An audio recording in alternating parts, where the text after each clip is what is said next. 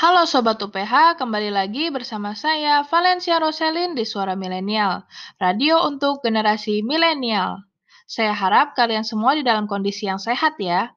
Sebelum kalian mendengarkan channel saya, alangkah lebih baik kalian mengenal sedikit tentang saya. Saya lahir di Pekanbaru tanggal 14 Februari tahun 2000. Saya anak kedua dari tiga bersaudara. Hobi saya bermain musik dan bernyanyi. Mungkin sudah cukup untuk perkenalan singkatnya ya.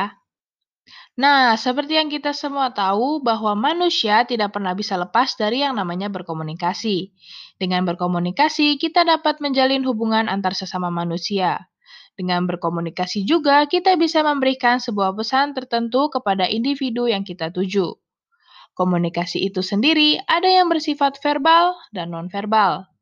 Dan ada banyak cara juga untuk kita menyampaikan sebuah pesan melalui media massa, seperti telepon, email, SMS, dan bahkan radio.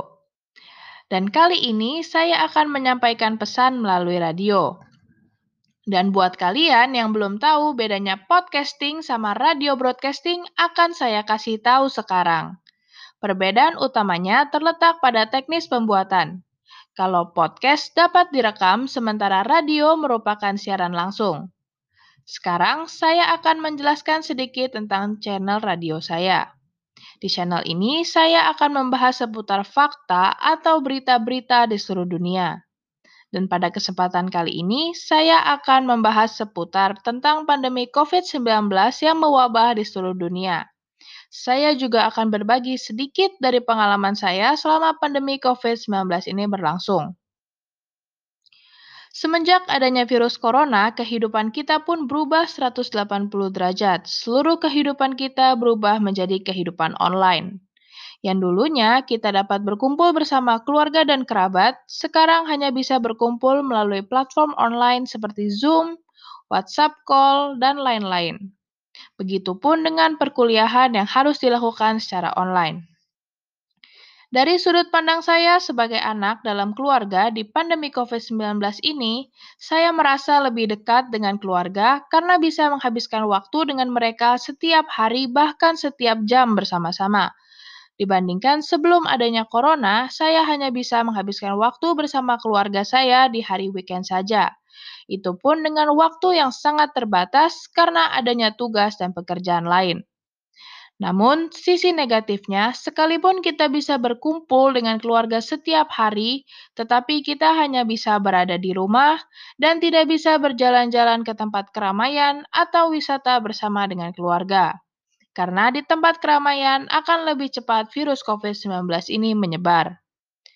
Sebenarnya, saya sebagai anak muda ingin sekali untuk pergi keluar hanya sekedar refreshing dengan teman-teman. Namun, saya berpikir lagi untuk keluarga saya. Karena virus ini lebih cepat mengenai orang yang sudah berumur dan saya tidak mau karena hanya ego saya, saya harus mengambil resiko untuk kehilangan orang yang sangat saya cintai yaitu orang tua saya.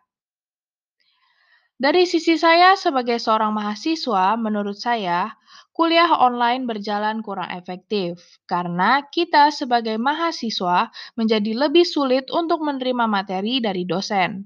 Dikarenakan cara dosen menyampaikan materi pun terbatas karena tidak bisa bertatap muka langsung.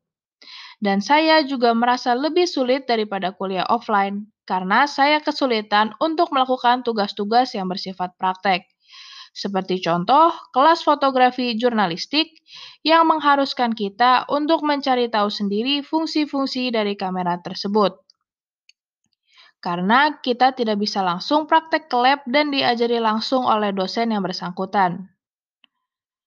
Sekalipun selama hampir 8 bulan karantina ini, ada banyak sekali halangan dan tantangan yang saya hadapi, baik dari segi perkuliahan, pertemanan, dan berbagai aspek lainnya, saya hanya bisa bersyukur. Saya yakin Tuhan punya rencana yang indah buat kita semua yang tidak pernah kita pikirkan sebelumnya.